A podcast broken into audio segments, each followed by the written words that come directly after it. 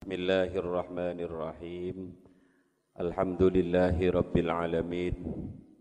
والصلاة والسلام على أشرف الأنبياء وأفضل المرسلين. سيدنا وحبيبنا وشفيئنا وقرة أعيننا محمد وعلى آله وأصحابه والتابعين ومن تبعهم بإحسان إلى يوم الدين. أما بعد فقد قال تعالى في كتابه الكريم أعوذ بالله من الشيطان الرجيم فبما رحمة من الله لنت لهم ولو كنت فظا غليظ القلب لانفضوا من حولك فاعف عنهم واستغفر لهم وشاورهم في الأمر فإذا عزمت فتوكل على الله innallaha yuhibbul mutawakkilin. Pertemuan kita pada malam hari ini yang paling pokok dan utama adalah kita membaca salawat kepada baginda Rasul menunjukkan rasa cinta kita, rasa bangga kita, rasa bersyukur kita karena kita ditakdir oleh Allah menjadi umat baginda Rasul. Setelah kita bersolawat, kita akan mempelajari sisi-sisi kehidupan akhlak Rasul sebagaimana yang pernah diungkap oleh Sayyidatina Aisyah kana khuluquhul Quran. Kanjeng Nabi itu adalah akhlaknya Al-Quran. Kemarin kita sudah membahas tentang pribadi yang lintalahum walau kunta faddan ghalidhal qalbi lam faddu min haulik malam ini kita akan membaca fa'fu anhum wastaghfir lahum wasyawirhum fil amri. Fa idza azamta fatawakkal 'ala Allah innallaha yuhibbul mutawakkilin. Lanjutan ayat ini berbicara tentang satu fa'fu anhum. Maka maafkanlah atas mereka wahai Muhammad. Yang kedua Allah memerintahkan kepada baginda Nabi wastaghfir lahum mintakan ampun untuk mereka. Yang ketiga wasyawirhum fil amri bermusyawarahlah dengan mereka dalam urusan perkara duniawi fa idza azamta fatawakkal 'ala Allah kalau kamu sudah punya keputusan kokoh fatawakkal 'ala Allah maka serahkan semuanya kepada Allah. Innallaha yuhibbul mutawakkilin karena sesungguhnya Allah sangat mencintai hamba-hambanya yang bertakwa. Nabi memiliki sifat pemaaf orang yang besar hatinya. Orang yang oleh Allah diberi nikmat yang dimasukkan ke dalam lubuk sanubarinya pasti mereka memiliki sifat pemaaf. Dan Nabi merupakan contoh yang paling bagus paling sempurna bagaimana baginda Nabi menjadi pribadi yang pemaaf. Ada seorang budak bernama Fadalah bin Umair. Fadalah bin Umair ini orang yang belum masuk Islam. Dia keluar dari rumahnya dengan amarah yang bergejolak di dalam hatinya. Dia punya keinginan untuk membunuh baginda Nabi.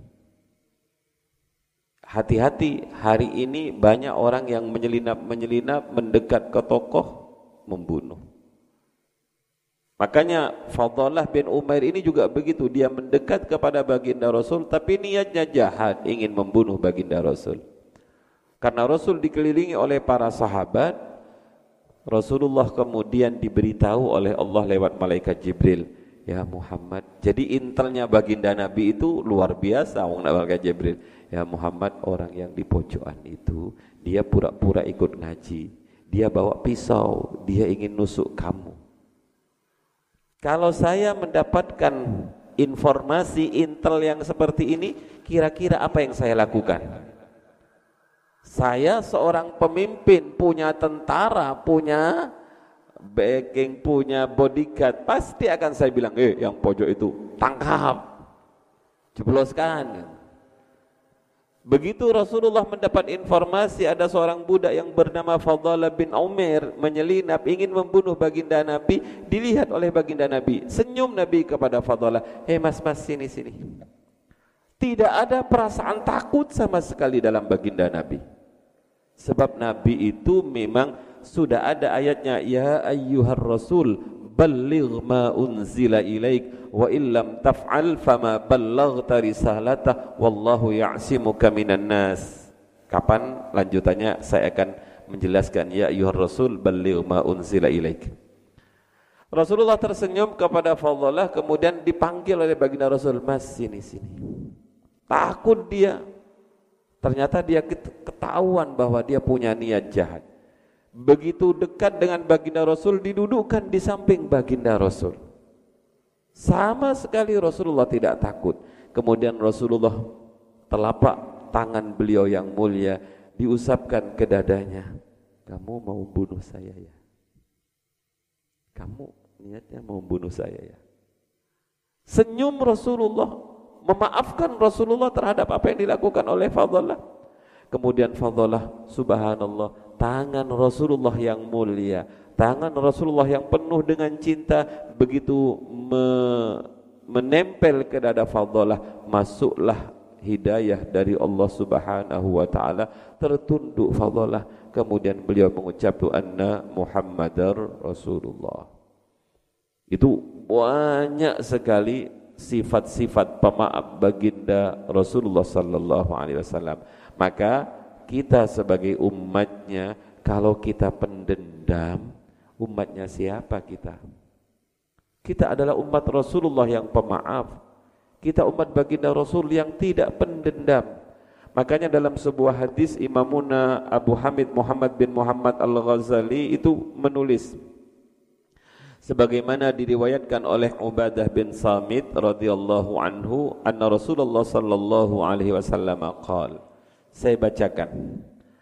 Ala unabbi'ukum bima yusharrifullahu bihi al-bunyan wa yarfa'ullahu bihi ad-darajat. Qalu na'am ya Rasulullah. Qala tahlamu ala man jahula alaika wa ta'fu amman zalamaka wa tu'ti man haramaka watasilu mangkoto'akah. Ini prinsip kehidupan yang luar biasa dari baginda Rasul. Di depan para sahabat Rasulullah dawuhnya begini ala unabbiukum maukah saya bercerita menghabarkan kepada kalian? Jadi bahasanya pakai kata-kata mau ndak kalian saya kasih cerita? Mau ndak saya kalian kasih kabar bima yusharrifullahu bihi al-bunyan. Kabar ini yang membuat Allah akan memuliakan tempat tinggal kalian di dalam sorga. Bima yusharrifullahu bihi al-bunyan. Allah akan meninggikan Allah akan memuliakan bunyan rumah kalian di dalam sorganya Allah. Wa yarfa'ullahu bihi ad-darajat. Allah akan meninggikan derajat kalian bahasanya mau ndak kalian saya ceritai? Mau ndak kalian saya beri resep? Mau ndak kalian saya kasih tahu tentang sebuah perbuatan yang akan menjadikan rumahmu di sorga menjadi mulia dan akan meninggikan derajatmu baik di dunia maupun di akhirat? Mendapat tawaran seperti itu Tentu sahabat semuanya dengan serempak mengatakan Qalu na'am ya Rasulullah Enggih ya Rasulullah Pasti kamu kami mau ya Rasul. Nopo niku ya Rasul? Kemudian Nabi dawuh begini anak-anakku Qala Tahlamu ala man jahula alaika. Tahlamu ala man jahula alaika. Apa artinya tahlamu? Tahlamu tahlamu itu sabar santun soposiro alaman terhadap orang jahula kang bodoh alaika ingatasi siro.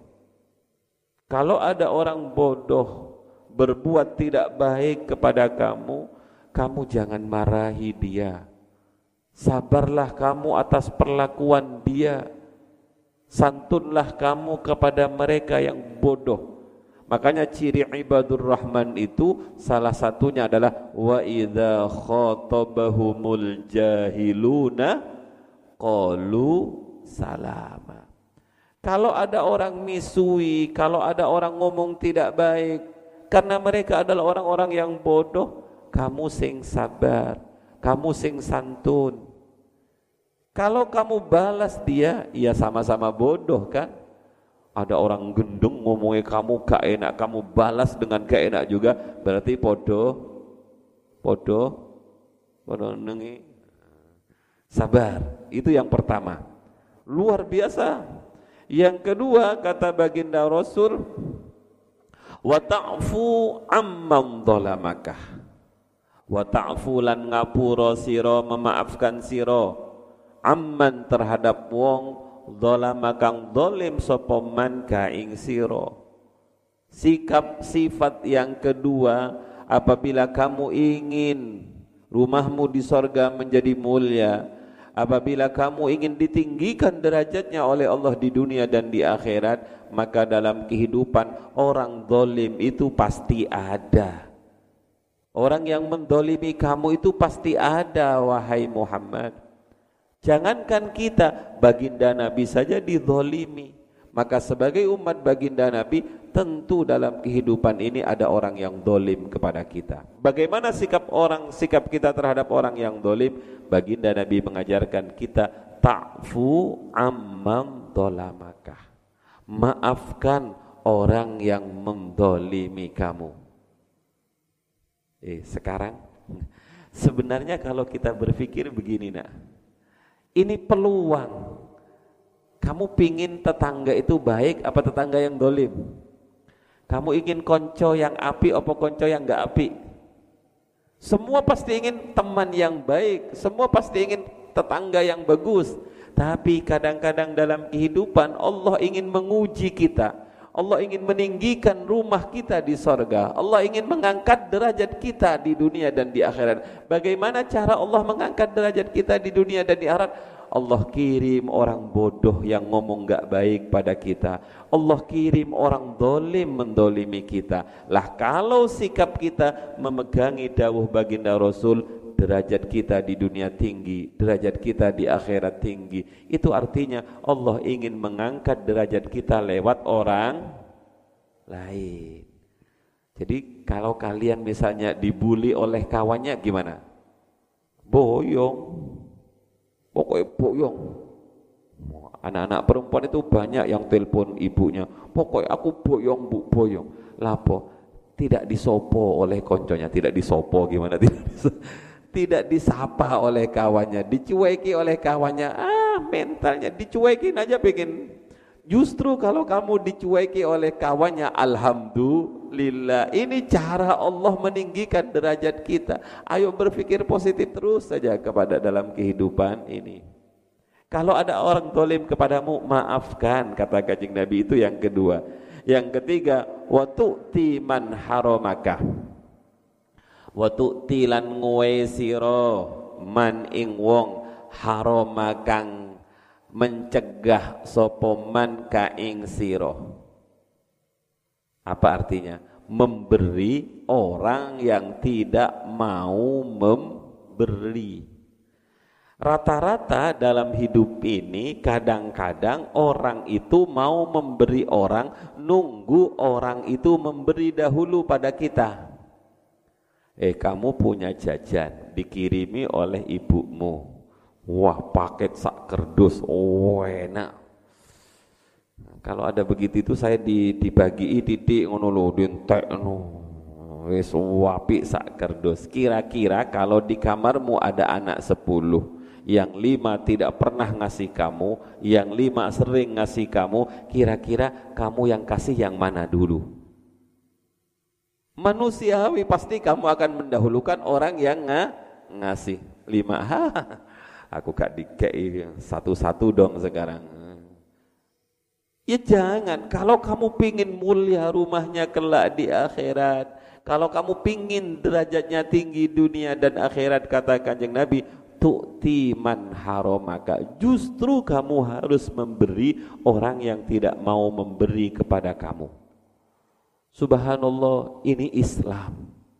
Subhanallah ini umat baginda Rasul. Berapa banyak orang-orang kafir berapa banyak orang-orang musyrik berapa banyak orang-orang Quraisy masuk Islam gara-gara akhlak baginda Rasul yang mulia. Apa itu? Salah satunya tu'ti man haromaka.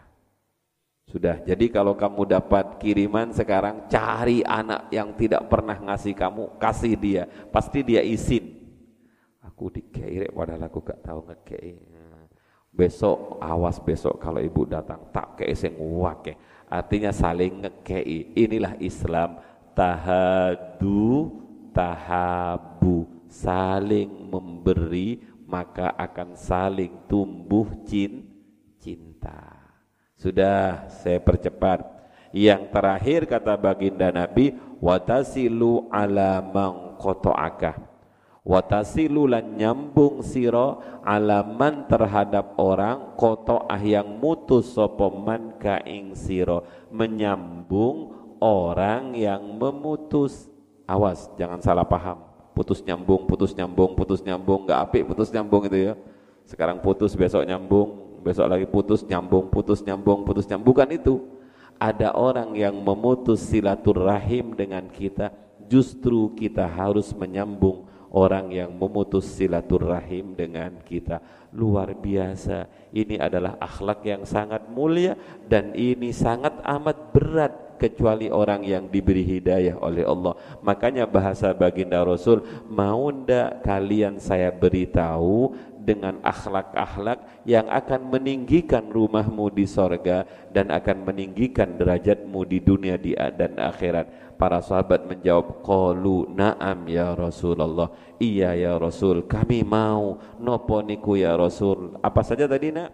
Satu, santun, sopan terhadap orang yang membodohi kita atau orang yang bodoh terhadap kita. Yang kedua apa nak?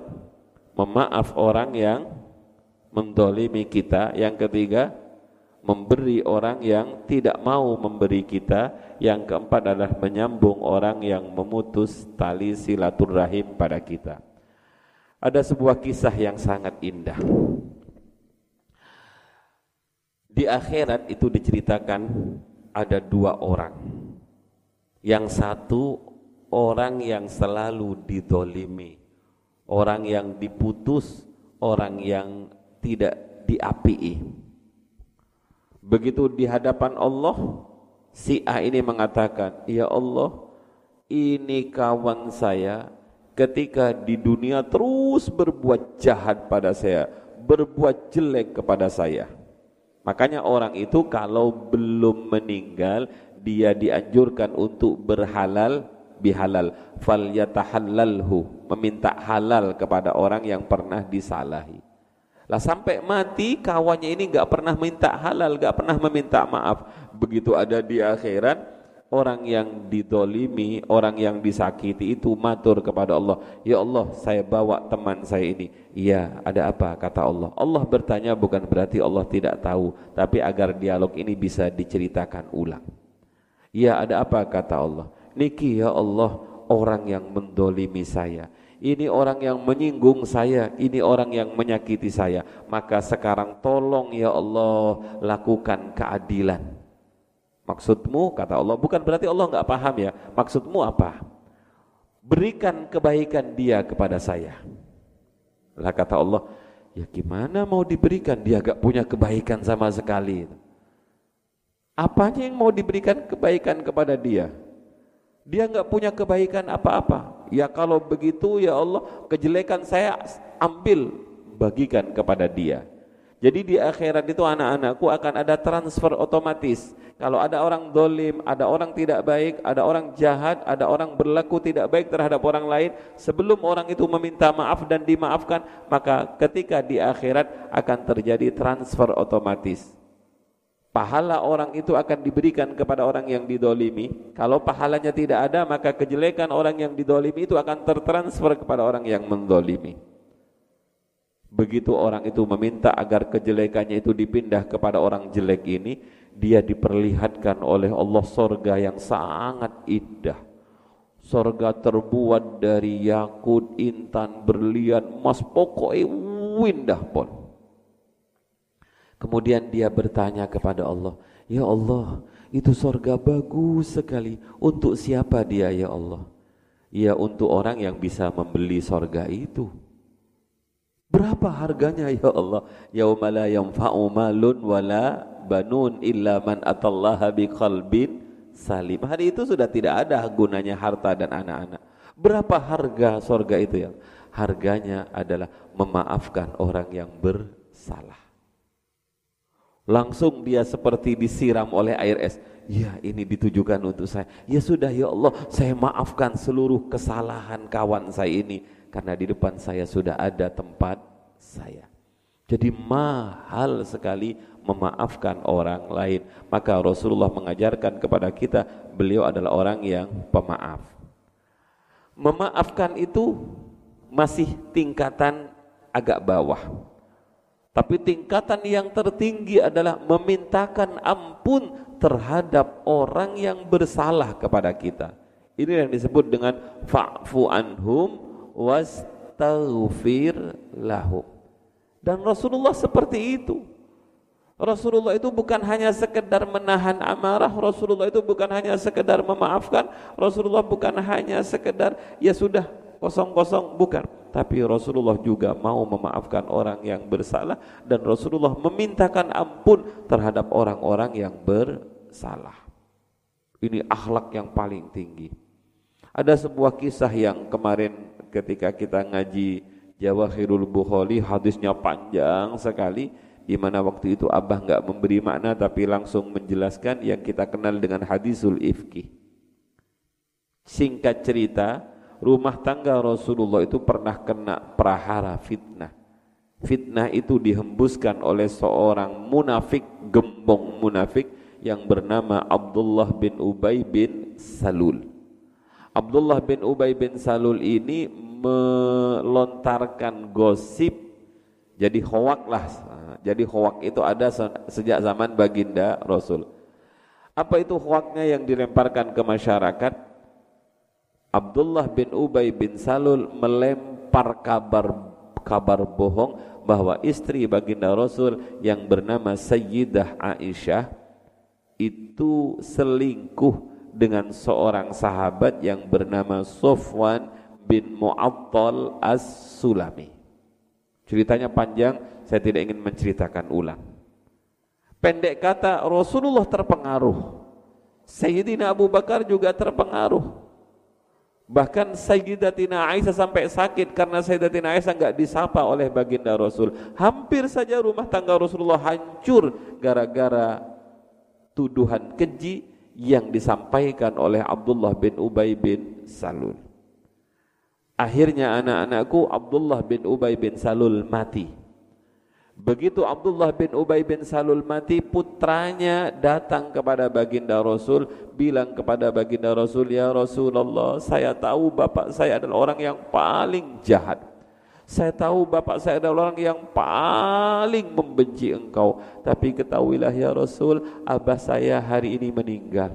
Saya sebagai anaknya, sebagai ahli warisnya, sebagai keluarganya datang ke hadapanmu ya Rasul, tolong maafkan bapak saya. Bagaimana Rasulullah? Sik tak pikir-pikir sik, tak istikharah sik, maaf apa ndak ini? Ndak. Kalau kita umatnya kadang-kadang kalau ada orang yang jahatnya seperti itu mati, apa yang kita lakukan? Jangan-jangan kita beralhamdulillah.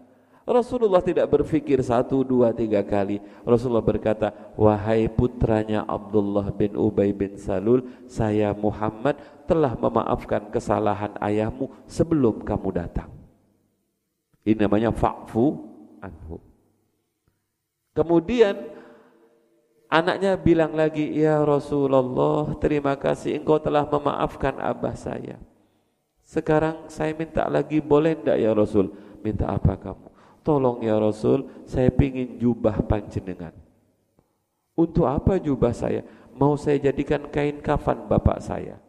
Kenapa memang kok kain kafannya pakai jubah saya? Ya Rasul, kalau abah saya masuk ke dalam kubur, kain kafannya jubah panjenengan, pasti malaikat sungkan untuk menggepui bapak saya.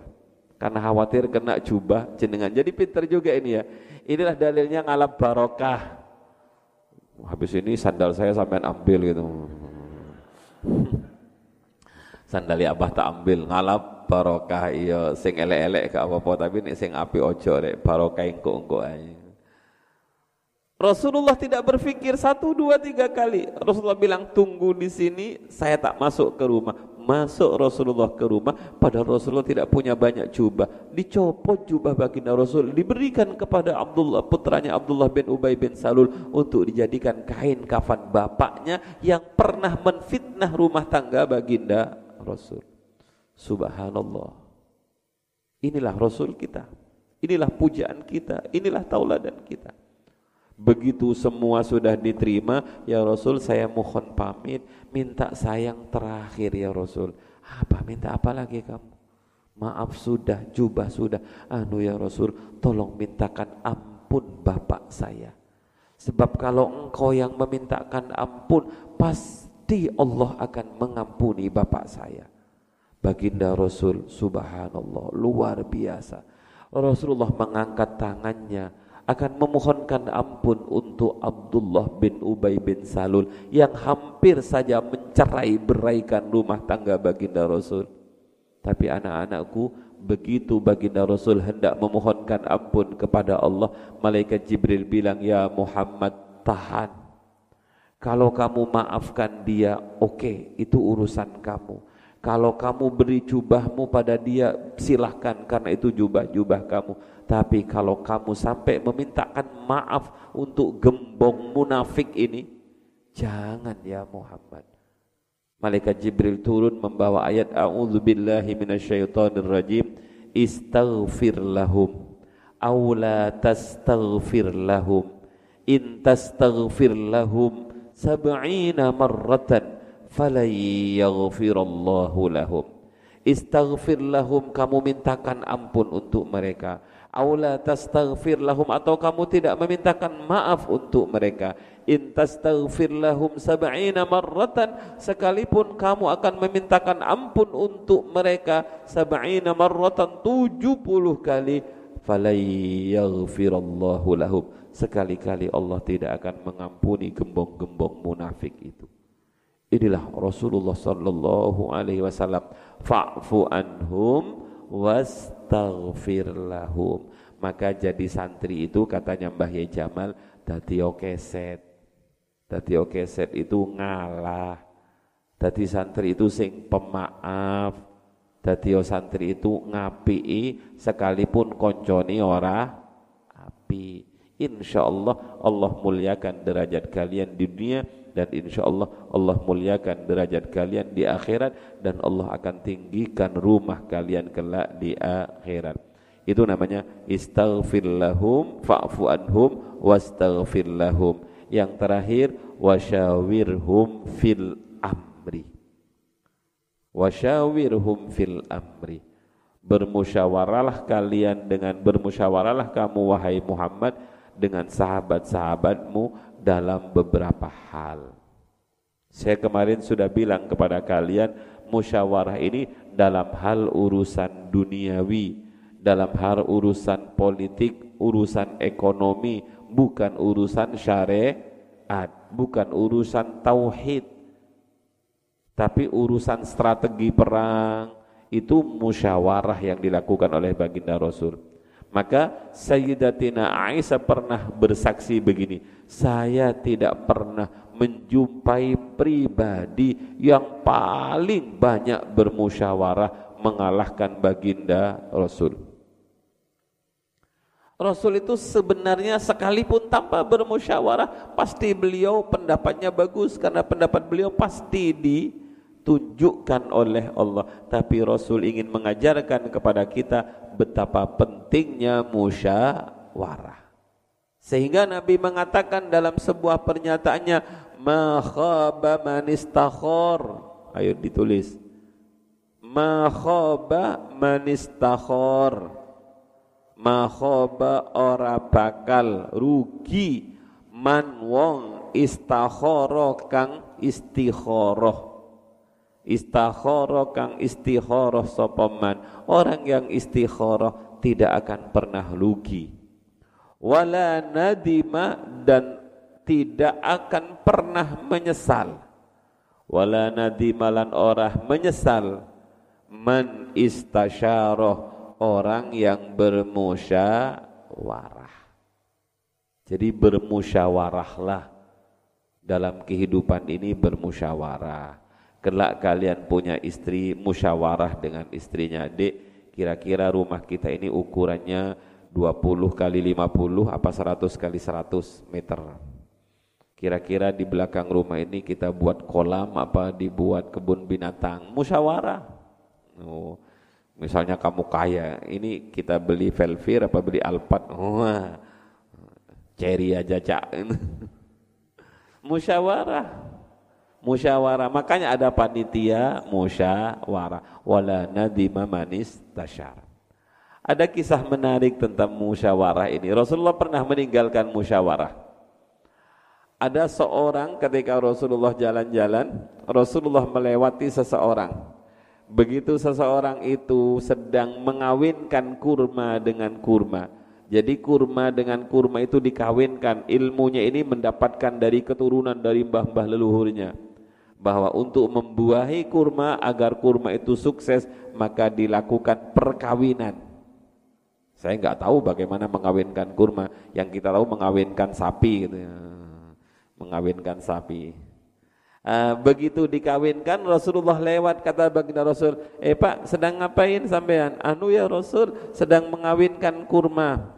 Ah, ndak usah dikawin-kawinkan segala. Biar dia tumbuh secara alami, biar dia berkembang secara alami, biar dia berbuah secara alami, sudahlah pasrahkan nanti kan buah-buah sendiri. Nggih ya Rasul, sami'na wa ata'na tidak melakukan apa yang biasa dilakukan sahabat ini. Tapi kemudian apa yang terjadi? Wayai panen, yang lain sukses panennya hasil, orang ini panennya gagal. Gara-gara tidak melakukan usaha mengawinkan kurma satu dengan kurma lainnya. Datanglah tergopoh-gopoh dia kepada baginda Rasul, komplain kepada baginda Rasul, "Ya Rasulullah, kula manut jenengan. Ternyata apa yang terjadi? Tetangga-tetangga saya sukses semua panennya ya Rasul. Panen raya semua. Saya ya Rasul panen gagal apa maksudnya panen gagal? Langge jenengan boten ngangsali langge panjenengan tidak memperbolehkan saya mengawinkan kurma itu. Jadi gagal ya Rasul kata baginda Rasul. Sepurani cak sepurani. Maaf cak maaf maaf. Betul-betul minta maaf ya cak. Kemudian baginda Rasul mengeluarkan kata-kata antum a'lamu bi umuri dunyakum. Paham ya? Antum utawi kalian iku a'lamu luwe paham bi umuri dunyakum dengan urusan duniamu.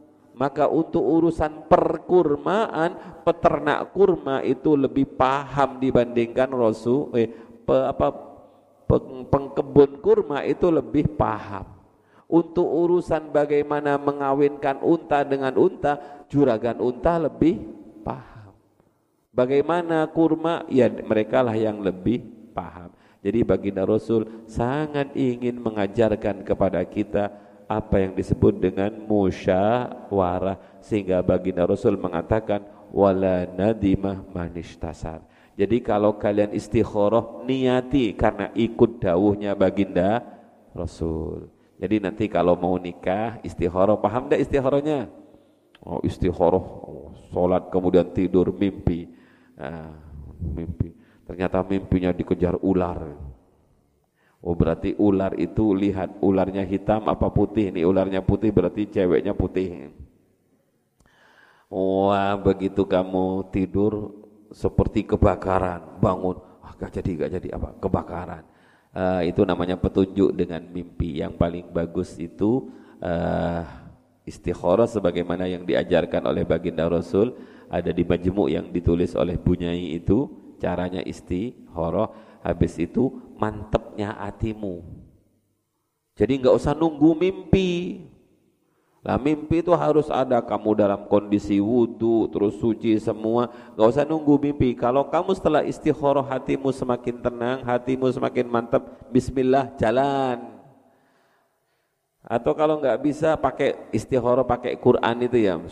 Kemudian buka Qurannya kalau finari jahannam khalidina fiha. Jangan. Jannatin tajri minta tial anhar jalan. Ada juga istikharah yang di, dikocok begitu itu. Khairun syarrun. Wiritan dulu habis itu dicocok. Keluar begitu keluar dibuka. Syarrun. Jangan diteruskan. Kalau khairun diteruskan. Itu namanya istikharah semuanya meminta petunjuk kepada Allah. Kalau kalian menghadapi sebuah permasalahan bermusyawarahlah dengan niat ngikuti dawuhnya Rasulullah. Saya kira cukup. Semoga bermanfaat. Besok kita akan berbicara masih ada ndak? Fa idza azamta fatawakkal 'ala Allah innallaha yuhibbul mutawakkilin